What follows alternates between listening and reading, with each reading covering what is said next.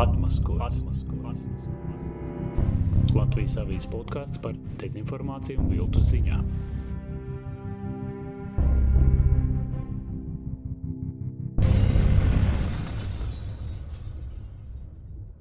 Atmaskots 15. epizode, te Latvijas avīzes žurnālisti Māris Antonevičs un Juris Lorenz. Sveiki!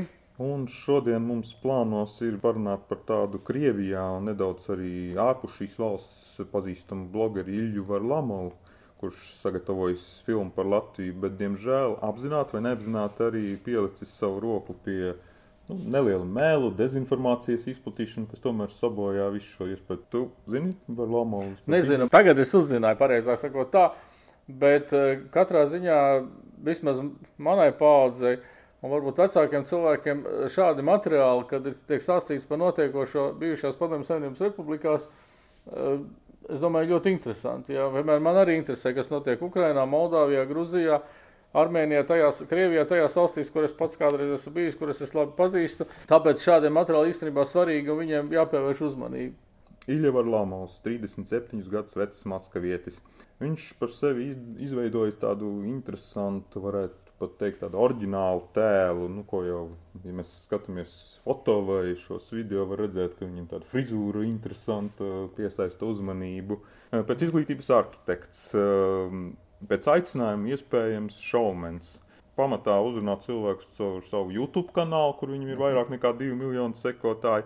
Un tad vēl ir tāds Krievijā ļoti populārs, mums nepārāk, Bet live žurnāls, tāds, tāda vieta, jā, tā kā blog, kur, kur cilvēki raksta blogus. Dzīvais žurnāls, jā. Dzīvais žurnāls Krievijā, ŽŽ, viņi visi saka ŽŽ, tur jā, viņam jā. ir ieraksts dzīvais žurnāls. Tātad. Un, un, un tātad, nu, tur viņš faktiski ir tāds, kā angliski self-made, tāds žurnālists vai, vai kaut kāds kā mēs vēl viņus varam dēvēt, influenceris. Influenceris. Nu, redz, bet te, te ir tā starpība milzīgā starp Krieviju un Latviju, vai ne? Jo, ja divi miljoni sekotāji YouTube, viņš acīm redzot, cik es saprotu, ar to jau var pelnīt naudu. Nu, grūti spriest, cik liela peļņa šajā biznesā nē. Es domāju, ka var, bet, ka nu, var, jā. Influenceri vairojas. Un, un... un viņš jau arī tur arī, taču ir pa vidu arī reklāma, ir, tiek ieliktas iekšā, vai ne, un, un, un tas viss viņam nodrošina kaut kādu varbūt nelielu, bet tomēr pietiekamu ienākumu. Un, ja vēl to var sa, sa, sa, savienot ar, ar, ar to, kas viņam interesē, droši vien viņam interesē tas, ko viņš dara, apbraukāt šai gadījumā kaut vai visas bijušās 15 republikas. Un, un, un, un sagatavot 15 raidījumus, tad tā ir tīri interesanta dzīve. Nē, nu, tā sākotnēji viņš, mm. viņš veidoja raidījumus par uh, arhitektūru, tas ir viņa izglītība, nu, tātad pilsētu vidi, tur, tas, ar to piesaistot Jā. sev sekotājus. Un ko es gribu, īpaši gribu uzsvērt, uh, ka nu, mēs bieži runājam mm. par Kremļa propagandu, par, par visiem tiem vēstījumiem, kas, ko mēs varam redzēt Krievijas TV kanālos, un, un tiem sava auditorija. Mēs dažreiz tur arī paši krievi smējas, nozombēta publika, televīzija, viņi sauc šos televīzijas kanālus Zomba Jašķik. Nu, tātad apmēram skaidrs, ja tu pasniegs viņiem informāciju, kāda tā būs un kādā stilā tā būs sagatavota. Šajā gadījumā, ja mēs runājam par Ilju Varlamovu, tad tā ir pavisam cita auditorija. Un tāpēc mums šajā gadījumā ir svarīgi parunāt par to, kādas ir viņas šīs filmas. Šajā gadījumā mēs apspriedīsim tikai vienu filmu par Latviju, jo, protams, mums citas interesē mazāk, bet nu, varētu arī tāpat skatīties citas cauri un, un ko, ko viņš tur ir sastāstījis. Jo viņš stāsta par to mazliet citai auditorijai nekā Kremļa kanāla skatītājiem. Ka arī sīki meli šajā gadījumā varbūt atstāja lielāku iespēju nekā, Tieši nekā tā, citās jā. gadījumos. Nu tad pāriesim pie Varlamova filmiņas. Šis ir atmaskots. Laižam tālāk. 30 gadi bez PSRS, tas ir tas nosaukums visai tai sērijai. Un, tātad viņš ir sakarā ar to, ka šogad ir apaļa gada diena, atzīmējam šo PSRS sabrukumu. Tad viņš ir izlēmis sagatavot šādu nu, sērijālu diezgan pamatīgu par visām republikām, kas tagad ir neatkarīgas valstis. Nu, tās katra no sērijām diezgan iespaidīga, tur vairāk kā stunda, pusotra stunda apmēram. Un oktobrī YouTube tika ievietota filma par Latviju. Kā jau saku, mums tas interesē vairāk, tāpēc mēs viņu noskatījāmies un gribam arī mazliet pāanalizēt, kas tur ir sastāstīts. Apskatīsimies fragment no šīs filmas ievada.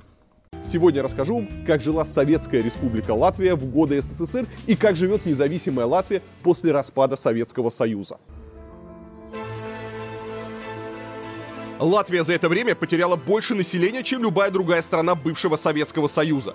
Также здесь не смогли добиться роста экономики и потеряли сельское хозяйство. А вот по показателям демократичности Латвия во всем бывшем Союзе уступает только Эстонии. Как так вышло? Смотрите в этом ролике.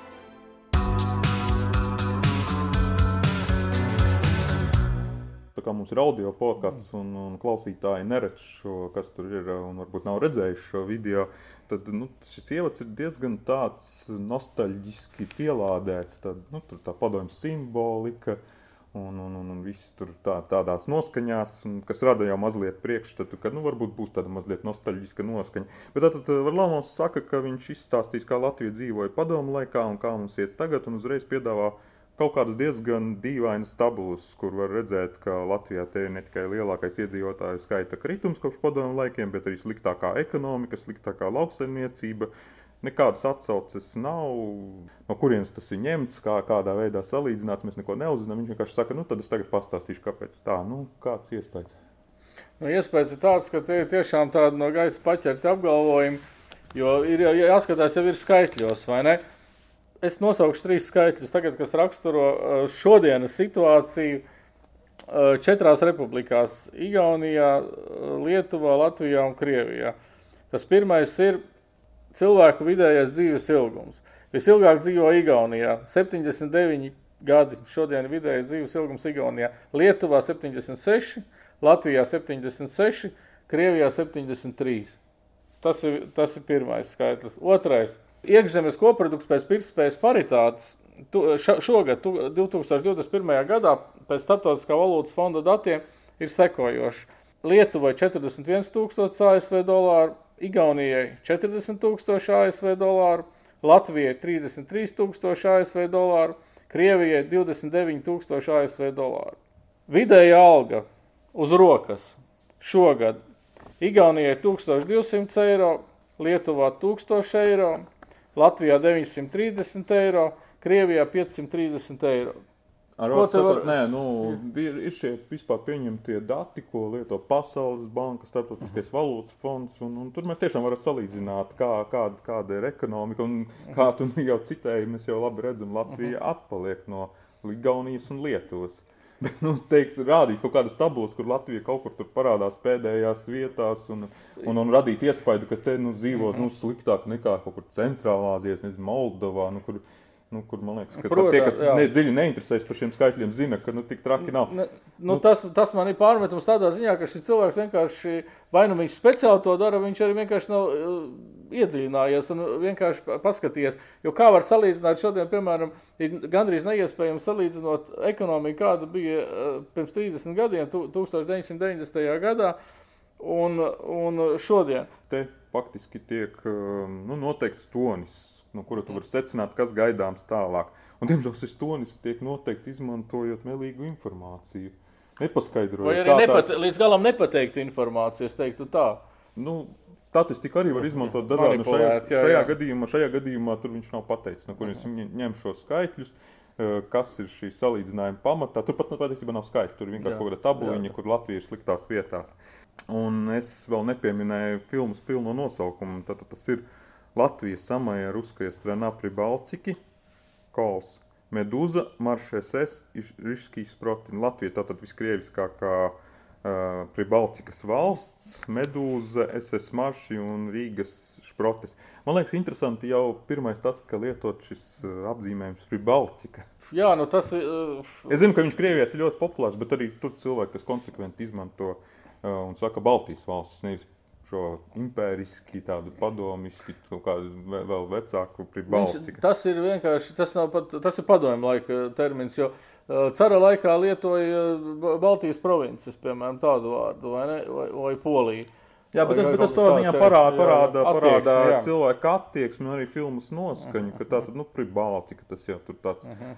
PSRS reģions. Jā, bet tomēr es gribētu piebilst, ka, ka tajā, ja skatās dziļāk to filmu, tad tur atklājās arī tās interesants nianses. Piemēram, viņš staigā pa jūrmalu, kas man ļoti patīk, ka viņš rāda šīs te skaistās jūrmalas mājas, arī gan restaurētās, gan, gan jaunus celtās. Un viņš pasaka ļoti interesantu faktu, ne, kas ir milzīga atšķirība, piemēram, no Krievijas. Viņš saka, īstenībā mēs staigājam pa, pa Latvijas rubļauku. Tas rubļauka, kas nezinu, tāds ļoti ekskluzīvs ciemats, netālu no Maskavas, kur dzīvo, teiksim, tā Krievijas elite. Bet ko viņš saka pa jūrmalu? Mēs redzam šīs mājas. Rubļaukā mēs viņas neredzētu. Tāpēc, ka būtu priekšā ļoti augsti žogi, dzeloņdrādis un apsargi. Šeit nekā tāda nav.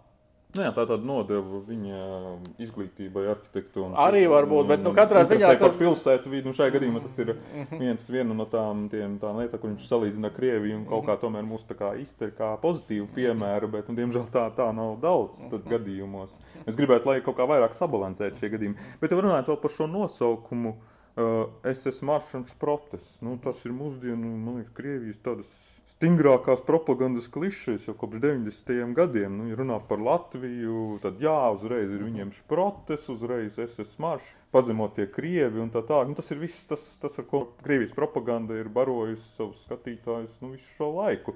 Un šajā gadījumā ierodas it kā nu, tāds neatkarīgs, kurš kā nepa, ne, ne, neiet šīs propagandas pavadā. Viņš arī paņem mierīgi šīs klišejas un ieliek jau nosaukumā. Tad jau uzdot toni, kā es teicu, jau no paša sākuma. Nu, man personīgi liekas, ka ļoti būtu jāizdara milzīgs darbs, lai pārliecinātu Krievus, Krievijā, ka latviešu leģionāri, kas tika iesaukti, mobilizēti uh, Vācu armijā, ka viņiem nav nekā kopīga ar to SS, kurš Nīderlandes tribunālā tika atzīts par noziedzīgu organizāciju. Tas, būtu, tas ir gandrīz neizdarāms darbs. Ne? Tas, tas patiesībā diez vai mums arī būtu īpaši jādara.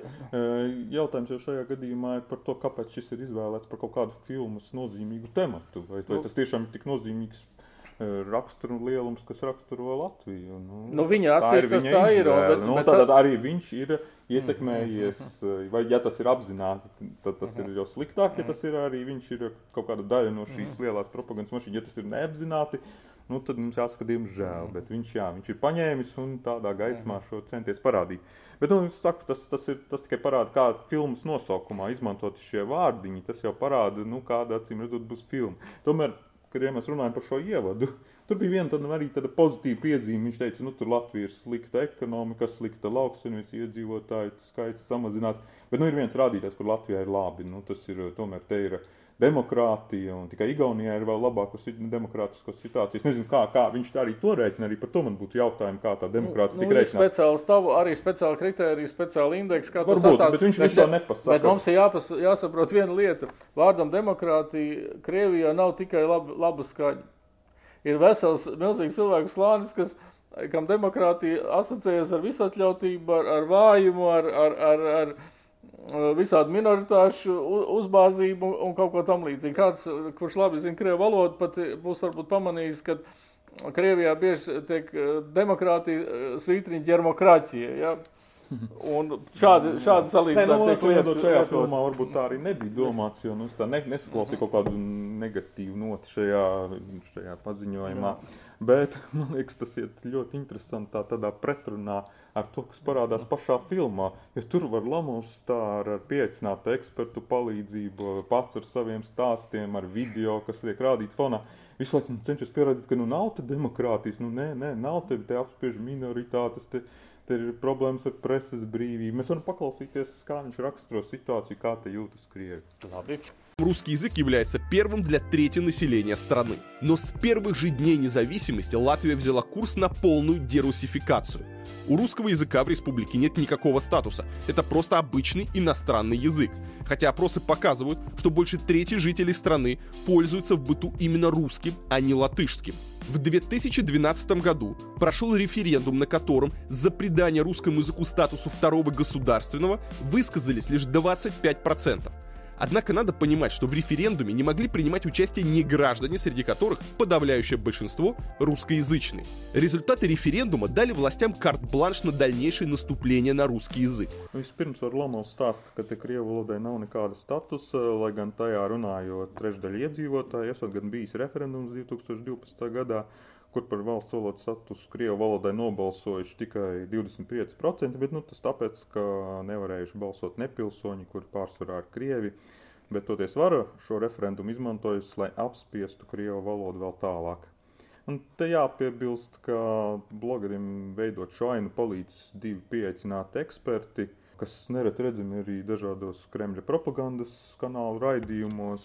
Tas ir Krievijas tautiešu kustības aktīvists Viktors Buščins un uh, žurnālists Jurijs Aleksejevs. Nu, abi, es piebildīšu, ir izmēģinājuši spēkus arī politikā. Kā Tatjanas Danakas partijas aktīvisti, Aleksejevs bija Rīgas domas deputāts, Guščins kandidēja saimnes vēlēšanās, gan partija neiekļuva saimā, līdz ar to viņš nekļuva par saimnes deputātu. Bet nu, viņi ir atzīmējušies, tad, ka viņi ir nevien kaut kādi neatkarīgi novērotāji, bet viņi šajā gadījumā ir politiskas personas. Bet tieši viņi ir tie, kas, nu, tā kā izveido šo ainu, kas tad Latvijā, ka viss ir slikti ar, ar krievalodīgajiem, ar krievu valodu, kas te ir apspiesta.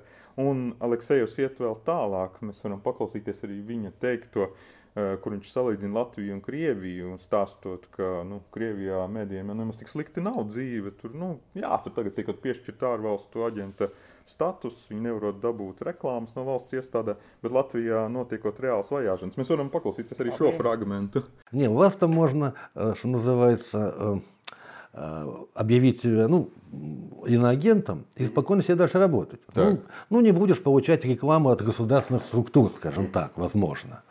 Вот. А у нас пожестче.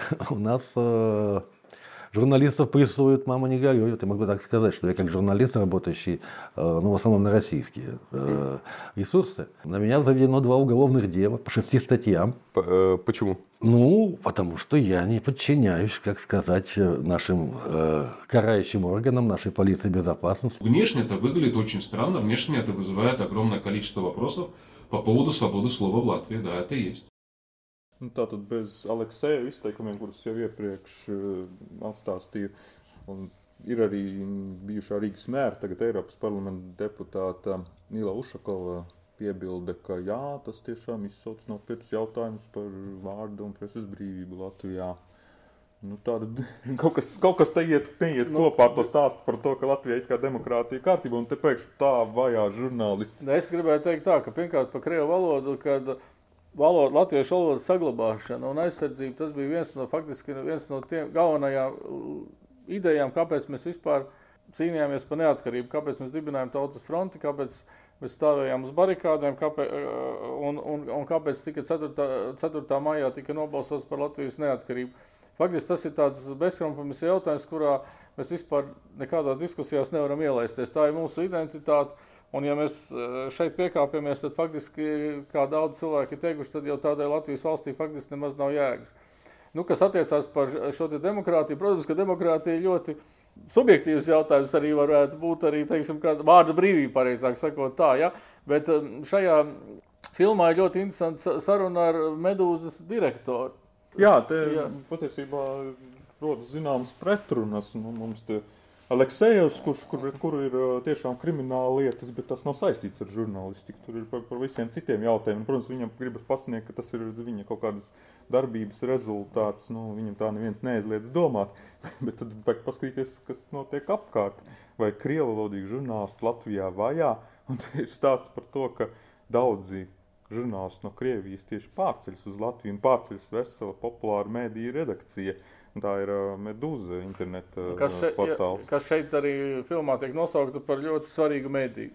Protams, ietekmīgs. viņš nav, nav Kremļa propagandas, līdz ar to, protams, Kremļa viņš ir nērts un viņam arī šis ārvalstu aģenta status, kas vienmēr ir, ja tu pasniedz kaut kādu sociālos tīklos lietas, mm. savu, savu materiālu, tad vienmēr šis status ir jānorāda, jo pretējā gadījumā pret tevi var vērsties. Un, uh, Medūza to arī dara. Viņi visus savus, savus materiālus atzīmē ar šo statusu. Viņi saka, nu nekas, mēs darīsim, ja vajag, darīsim, bet mums galvenais ir nodot -huh. savas ziņas.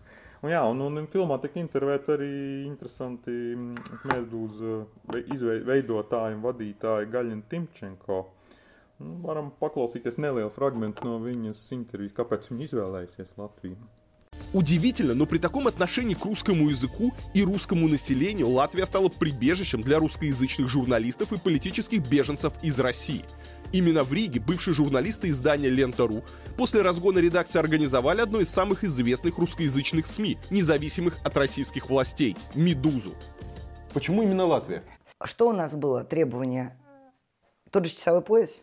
Значит, русский язык, угу. на котором можно разговаривать потому что я была свидетелем очень многих медиа, которые запускались за границей и даже успешно, но они не на русском языке пишут. Угу. Они не слышат язык улицы, они не слышат, как меняется язык. И это такой архаичный язык. Поэтому нам нужно было, чтобы здесь были достаточное количество русских, которые говорят и которых мы можем слушать. Дешевизна и простота, а Латвия тогда была очень дешевой страной. Но в 2014 году, накануне кризиса, это было прямо ну, совсем угу. смешно. Вот. И последнее, что здесь было, вот эта простота и прозрачность. Gaļina Timčenko tā diezgan lietišķi izstāsta, kāpēc viņa ar kolēģiem pārcēlusies tieši uz Rīgu. Tas nebija kaut kāds tāds sentiments, ka tieši Rīga viņiem patika. Viņi brauca pēc, izvēlējās vietu pēc vairākām pazīmēm. Un pirmkārt, tā ir tā pati laika josla, un tātad Maskava, apmēram Maskavas laika josla. Tas, ka te ir krieviska vide, ko viņi īpaši uzsver, ka var runāt krieviski, sazināties un, un nezaudēt šo dzīvo valodu, tēsot lēti un tēsot bijis vienkārši nokārtot formalitātes. Nu, mēs esam iepriekš klausāmies, kā viņš stāsta, ka Latvijā apspiež krievu valodu un spiež ārā, un te viņam saka, nē, te ir ļoti labi, tas krieviski var mierīgi iztikt ar krievu valodu, man nekāda problēma nav. Katrā ziņā tas, domāju, vērīgākam uh, skatītājam, šī te, šī, šīs te filmas skatītājam, katrā ziņā liks aizdomāties, es domāju. Jo tas tomēr ir diezgan pārliecinoši, ka, ka, ka sieviete, kas pati saka, es esmu Krievijas pilsonis, es dzimusi Maskavā, es esmu Maskavieti, mīlu savu pilsētu, tomēr stāsta šādas lietas. Tas, tas tēls jau ir izveidots Krievijā, jā, ka te Krievu valodu vispār spiež ārā. Patiesībā Krievu valoda ir nu, nu, ļoti brīva, jūtas pat pārāk brīva. Te viss ir divās valodās un patiesībā tāda divvalodīga vide sadzīviski un vienlaikus stāstīt Krievijā šos, šīs pasakas par to, ka te Krievi ir apspiesti. Starp citu, viņa izteicās ļoti interesanti šajā filmā Timčenko, ka vienu reizi viņa saskārusies, ka sieviete ar viņu nav gribējusi runāt, principā runājusi latviski, tirgu. Viena pārdevēja, principā atteikusies runāt krieviski, Bet beigās, tad, kad viņi uzzināja, ka viņa nav vietējā, bet ir atbraukusi no Krievijas, ir pārgājusi uz Krievu valodu. Tas tikai parāda to, ka ir cilvēki, ne, kas, kas stingri stāv pa savu valodu, arī stāvot pat pie tirgus letes. Tā tas to ir, tikai tas var apsvērt. Ko mēs, ko mēs runājam, ka Krievi nekad neiemācīsies, tie, kas Latvijā dzīvo, latviešu valodā ar viņiem nerunās. Tieši latvis. tā, tieši un, tā. Un šajā gadījumā, nu, arī šie žurnālisti, kas ieradušies no Krievijas, es gan, cik esmu dzirdējis, viņi arī cenšas latviski vismaz kaut kādā pamatlīmenī apgūt, tomēr nu, dzīvojot tajā valstī, mm -hmm. nu, mhm. tad, tad arī, arī saprast, ka, kur viņi ir, lai viņi saprastu apkārt, kas nu, arī tajā latviskajā vidē. Bet nu, arī tas, ja tu strādā tomēr diezgan ilgu laiku, un viņi jau tagad ir vairāk nekā desmit gadus, un tomēr arī viņiem būtu jāsāk. Nu, es apbūt. personīgi pazīstu Dmitriju Savinu, kurš jau vairākus gadus jau dzīvo Latvijā kurš uh, ir pārcēlies arī uz Latviju, tāpēc, ka viņam varbūt kļuva nērti dzīvot Krievijā, tāpēc, tādēļ, ka, par ko viņš tur rakstīja, Viņš ir iemācījies latviešu valodu. Jā, Pārsteidzoši, jā, bet ir iemācījies. Zinu, kad mēs uzzinām par šādiem gadījumiem, mēs tādu, tā, tā, mm. tik esam tik priecīgi, jā. tik tādi mums šķiet, ka tas ir tāds gandrīz vai pagodinājums, ka cilvēks, kas ieradies no svešuma, mācās latviešu valodu, lai gan citās valstīs tas būtu tikai normāli. Tu atbrauc un tu mācies to valodu valstī, kur tu dzīvo. Mums tā padomju pagātnē, mums liekas, ka nu, jā, mums ir jārunā krieviski, nevis tam, kas tur atbrauc, ka viņam jācenšas. Jā, bet redzi, kas te ir arī interesanti, ka mēs bieži ne, nebrīnamies, pat īpaši, ja parādās kaut kāds itālis, francūzs, brazi, brazīlietis vai pat arābs, kurš ir iemācījies latviski. Tas mums neizbrīna. Mums gandrīz vairāk izbrīna šie cilvēki no Krievijas kuri šeit ir atbraukuši un iemācījušies. Jo, jo, Jā, no viņiem mēs negaidām. Mēs jau, mēs viņa, jo viņiem mēs to nesagaidām. Mēs jau automātiski pieņemam, ka viņiem būs šis impēriskais background, šī impēriskā aizmugure. Atmaskots. Visu iepriekš minēto, ko mēs te apspriedām, nu varētu teikt, nu labi, nu, tur ir tāds viedoklis. Nu, viņš uzskata, ka Latvijā krievalodi apspiesti. Nu, ko, ko, ja viņš uzskata, ka žurnālisti ir apspiesti, nu, mēs, mēs, mums būs grūti iestāstīt, ka nu, nē, nav. Nu, ja tu esi tā, tāds viedoklis, tāds. Bet nu, mēs ja runājam par to, ko mēs saucam par viltus ziņām, meliem, tad, diemžēl, arī filmā ir arī tādi fragmenti, kur tiek atklāti melots. Nezinu, bija tāda grupa Zigzags, Signe, Melo acīs skatīdamās. Mēs te varētu teikt, Ilja melo acīs skatīdamies, jo viņš pats stāv kadrā un stāsta melus. Un um, varam vienu фрагменту поскатитесь. Еще один известный на весь Советский Союз рижский завод назывался ВЭФ. Он был построен в независимой Латвии в 1919 году. Первое время завод производил телефонные аппараты, а в 30-х ассортимент продукции включал уже кинопроекторы, пылесосы, фотобумагу и даже военные истребители. Но известность завода принесли радиоприемники под маркой ВЭФ. Изготовленные на заводе ВЭФ радиоприемники были буквально в любой советской семье. В конце 80-х на заводе ВЭФ работало около 20 тысяч человек. После распада Советского Союза рынок заполнила продукция азиатских производителей. ВЭФ не смог конкурировать с ними. Сейчас вместо главного здания завода торговый центр. Остальные здания, например, бывшая столовая завода, либо заброшены, либо сдаются в аренду.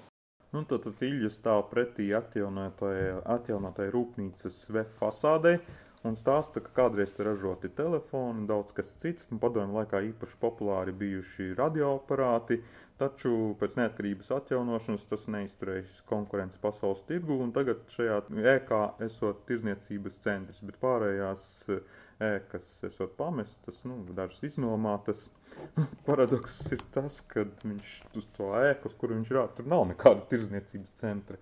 Iespējams, viņš kaut kur ir lasījis internetā, ka vienā no VF bijušajiem korpusiem ir izveidots tirzniecības centrs Domina. Tas ir nu, pavisam citā pusē, un tā, nu, tā nav tā centrālā ēka, bet tur ir uzņēmums mikrotīkls. Jā, tas ir viens no, lielā, viens no iespaidīgākajiem, es teiktu, Latvijas uzņēmumiem. Un viens no viņa īpašniekiem, Arnis Rēksniņš, ir Latvijas bagātākais cilvēks.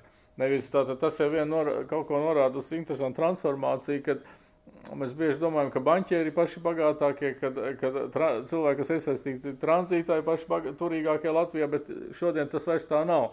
Uh, Visturīgākais Latvijas cilvēks ir uzņēmējs, kurš uh, kaut ko ražo un ražo augstas tehnoloģijas produktus. Jā, viņi mikrotīklus izgatavo datortīklu aprīkojumus, un tas ir ļoti pazīstams zīmols visā pasaulē. Mikrotik viņš, viņš tiek tirgots. Un, uh, Arī Krievijā, starp citu, Jā. ir diezgan plaši izmantots, bet ne tikai Āzijā, Dienvidamerikā, tam līdzīgi. Un, un arī tāds nu, Latvijas eksporta paraugu uzņēmums, kurš eksportē mm -hmm. ļoti daudz. Es domāju, tas ir mūsdienu apstākļos cienījams aizstājējis VF. Protams. Nu, te jau, jau nesen es biju Liepājā. Liepājas metālurgs ir bankrotējis, jo viņš tiešām nespēja arī konkurēt, varbūt arī tur bija neveiksmīga vadība, bet arī ne tikai viņš vienīgais, bet daudz metālurģijas komp ko kompānijas, metālurģijas kombināti Eiropā bankrotēja, jo viņi nespēja konkurēt ar, ar Ķīnu un arī ar, ar, ar, ar, ar, ar citām valstīm Āzijas reģionā. Bet Liepājā šodien būvēs viena rūpnīca pēc otras. Tās ir nelielas, ļoti modernas rūpnīcas ar labi apmaksātiem darbiniekiem. Un tas jau, jau sāk aizstāt me, to devumu, ko pilsētai kādreiz sniedz metālurgs. Nu, ekonomika mainās. Nu, nu, runāt par kaut kādiem bijušajiem joprojām runāt. Es saprotu, tas ir desmit gadus pēc PSRS sabrukuma, var tur kaut ko teorētiski jautāt, nu, kāpēc tur netika saglabāt. Bet joprojām stāstīt, ka šausmas sagrūva šie uzņēmumi, šausmas bija tāds, bija tik labi un tagad ir slikti. Nu, tas, diemžēl, nezinu, cik, tas, cik gadiem jāpaiet, ja joprojām stāstīt šos mītus par vecajiem, vecajiem raikiem, kad, ne, kad te ražoja telefons. Nu, es domāju, ka, nu, piemēram, lielisks piemērs ir Kaut vai mūsu farmācijas uzņēmums, citu, kas, kas, kas, kas, Jā, ir lieliski, kas ir lieliski mācījuši piemēroties apstākļiem, un, un, un teiksim, pat tik tālu, kad, kad, kad viens no produktiem Mildredās tika pasludināts bezmaz vai par, par dopingu, vai ne, un tika sporti, aizliegts izmantot sportistiem, kas radīja viņam milzīgu reklāmu. Bet, nu, tas ir cits stāsts. Bet katrā ziņā. Nē, nu, tie, kas varēja, tie, tie pielāgojās. Bet nu, tā jā, jānāk, protams, vietā kaut kam jaunam. Es nesaku, ka Latvijas rūpniecība ir kaut kāds šobrīd mm. paraugs un, un ka mums nav kur tiekties. Bet, nu, Mūždien atkārtot tos stāstus par vecajiem kaut kādiem padomju fabrikām, tas arī, arī ir nogurdinoši. Pie tam es gribētu piebilst, ka šāda situācija nav tikai tā ir faktiski visā, arī tai pašā Krievijā, kad ir, ir milzīgas bijušas slavenas rūpnīcas absolūti sagrūšas, Un ir radušās arī, arī Krievijā radušās jaunas, modernas ražotnes, kas ra, ra, ražo modernas lietas, par kurām agrāk nemaz neiedomājās. Bet tik un tā arī pašā Krievijā atrodas cilvēki, kuri klaigā, ka lūk, tur neizdevās tādu un tādu autorūpnīcu, tādu un tādu tur traktoru rūpnīcu saglabāt. Jā, un kā jau saku, tad Varlamovs šajā fragmentā melo. Viņam nebija tik grūti pāriet pāri ielai, kur viņš stāv paskatīties nosaukumu, kas ir uz, uz, uz šīs ēkas. ievadīt internetā Google šo nosaukumu paskatīties, kas tad ir šis uzņēmums, kas šobrīd atrodas. Bet viņš to neizdarīja. Vai viņš to neizdarīs likuma dēļ vai apzināti, es nezinu.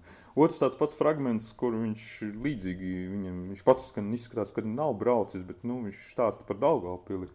Tur ir visu laiku mm, fonā ir Daugavpils uh, video kadri, tur redzams tas, tas labāk pazīstamākās vietas. Protams, pazīstamākā vieta tur ir cietoksnis, un arī Varlāmovs savu stāstu būvē ap šo cietoksni. Bet viņš nepiemina pat cietoksni, kas tur šodien atrodas. Nē, viņš tieši pretēji, viņš piemina, mm -hmm. ka, ka cietoksnis bija simbols, faktiski jā, jā, jā. to tur izveidojusies un nostiprinājusi pilsētu, un, un padomu laikā turpinājusi jaukt. Un, bet nu, pēc, pēc PSRS sabrukuma, pēc neatkarības atgūšanas cietoksnis pārvērtās par milzīgu graustu. Kas tā nav? Tajā pašā brīdī mēs redzam kadru ar Marku Rotko mākslas centru, ar, kurš kur visu šo cietokšu šīm, šīm atjaunotajiem vārtiem un tam līdzīgi. Cilvēks atkal pat, nu, pat arī vienkārši internetā neievada, nepaskatās, kas tur šajā cietoksnī, bet vienkārši izsaka kaut kādu apgalvojumu, vēl vienu meli. Visbeidzot, nu, viss vis tādi kuriozākais un, un, un tas, kas arī visplašāko reakciju izsaucis, ir uh, fragments, um, kur par Lamovs stāv jūrmalas smiltīs un stāsta, kas tad noticis ar latviešu protēm, kurus viņš jau pieminēja savas filmas nosaukumā. Nu, paklausīsim viņa stāstu.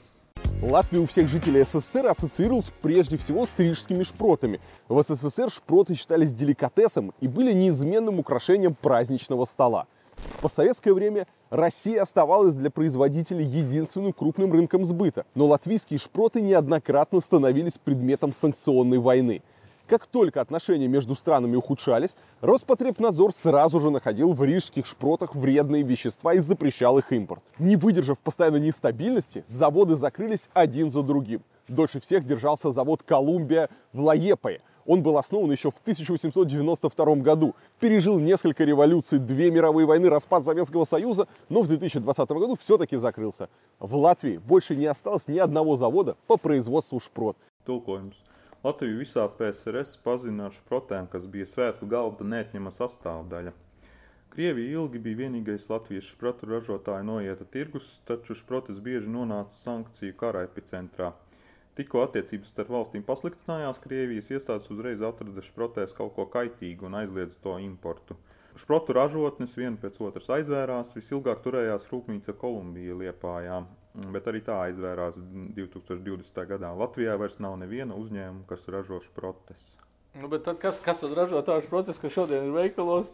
Kāds ražo? Es domāju, ka šprotes šodien ražo vairāk uzņēmumu Latvijā. Un ir iespēja izvēlēties. No viņam ar Lamos acīm nav iegājis veikā un nav apskatījies, ka, kas Latvijā viņš skatījies Krievijā un, un, un redzējis, ka tur Kaļiņgradas šprotas, mums nav Kaļiņgradas, mums joprojām ir uh, latviešu šprotas, ražo daudzi uzņēmumi. Un es varu pateikt, piebilst arī to, ka es esmu redzējis latviešu šprotas pēdējos gados. Ukrainas veikalos, Moldovas veikalos, Grūzijas veikalos, nemaz nerunājot par Lietuvu un Igauniju. Jā, uzņēmumi tātad brīvais vilnis, karavēla līdz 93 un vēl daži citi ir joprojām turpina ražot sprotus. Protams, ne tikai šo produkciju ir arī citi zivju koncerni, ne tikai šprotis, un gal galā nav jāiztiek cilvēkiem, tikai vienveidīgi jāiet tas, kas padomju laikā redz bija populārs. Uh, bet, nu, jā, tur ir Kolumbija, kas tiek pieminēta. Es arī painteresējos, jā, šis stāsts Krievijas kanālos ļoti plaši aizgāja, un tieši, atcīm redzot, Varlamovs kaut kur to ir uh, atradis un izlasījis, un viņam radies šis priekšstats, ka tas bija pēdējais. Kolumbija tiešām, jā, 2020. gadā viņiem radās problēmas, jo tur tas bija saistīts ar kredītiem. Viņi bija paņēmuši trusta komercbankā, kur arī bija problēmas. Gal galā, nu, tur, tā, tur tas īpašnieks nolēma, ka vieglāk viņu ir pārdot, bet šobrīd ir nopirkuši citi īpašnieki kuri tur krabju nūjiņas gatavojas. Ražu, tā kā uzņēmums nav izputējis, viņš ir nu, vienkārši mainījis savu statusu. Tad... Jā, viņš atrodas, man liekas, vecajā osmalā, tur tajā vecā osmalas biznesa, vecās osmalas biznesa parka teritorijā. Protams, nu, lai, mm. lai, lai, lai turpinātu eksistēt, tev tā produkcija, ko tu ražoji, kaut, kaut kā, Protams, kādam viņa jāpērk. Latvijas tirgus iespējams par mazu, bet nu, tāpēc tiek meklēt citi eksporta tirgi un, un attiecīgi ir uzņēmumi, kas tos ir atraduši Eiropā, nu, tur Āzija tiek skatīts virziens. Tā kā nav tā, ka Krievija te būtu, mums vien, mēs ar Krieviju būtu neglābimi saistīti. Tieši pretēji, tāpat kā Gruzija, kad, kad sākās karš, Gruzijas vīns tika aizliegts Krievijā un Gruzijas vīnu uzņēmumi mm, atrada jaunas eksportīvas un ko paši Gruzīni īpaši uz, uzsver. Paaugstinājās kvalitāte, jo citos tirgos bija vajadzīga labāka kvalitāte nekā Krievijas tirgu, un, un, bet gal, gal, galā tas pat bija iegūms šajā situācijā.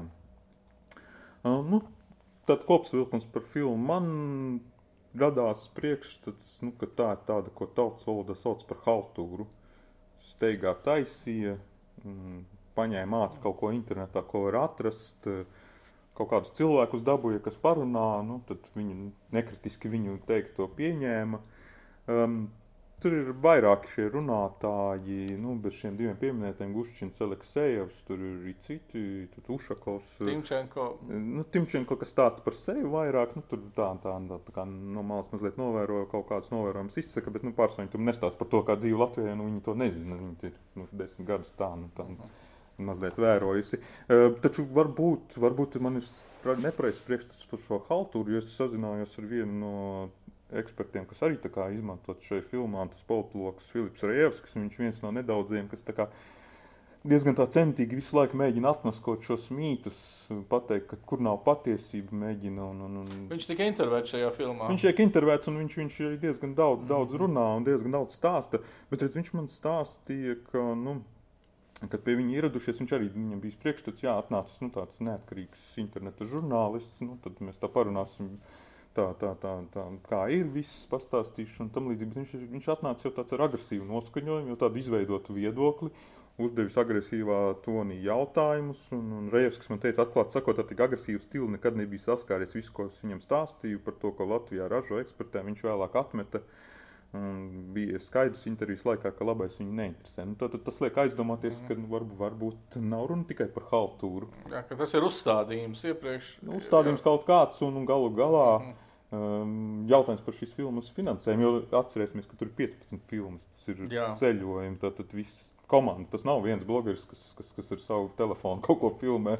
Tas tur, tur ir diezgan profesionāli, tas viss nostrādāts. Tad tas ir diezgan nopietns finansējums, kuru, nu, nezinu, vai var atpelnīt ar reklāmām dažām filmas vidū. Tad, tad kāds tomēr ir iespējams arī sponsorēt. Bet, nu, tas, tas paliek jautājums, kuru mēs, protams, nevaram atbildēt, bet nu, tas rada aizdomas. Man es gribētu vēl piebilst vienu lietu. Mēs šeit gatavojam šo te, uh, podkāstu Latvijas auditorijai. Mēs atmaskojam šo cilvēku, šo viltu ziņu priekš Latvijas auditorijas. Bet mēs jau, es domāju, ka gandrīz, es pieņemu no maniem paziņām, vismaz, ja viņi skatītos šo raidījumu, viņi saprastu, ka tur ir mazliet patiesības sajaukts ar ļoti daudz, daudz meliem un, un, un puspatiesībām. Un, uh, Un, un uzreiz rastos jautājums, kāpēc šāds raidījums vispār ir tapis. Tas svarīgākais, kas vispār mums Latvijā būtu jādara, domājot par nākotni, tas, ja mēs varētu šādas, šādas at, atmaskojumus virzīt ne tikai uz Latvijas uh, klausītājiem, Latvijas mediju patērētājiem, bet tieši uz Krieviju. Arī, kaut, arī varbūt uz pārējām 14 bijušajām republikām, kur, un tas varbūt būtu pat svarīgāk žurnālists Mārcis Antonevičs, Juris Lorents. Paldies par šīs dienas raidījumu un līdz citai reizei.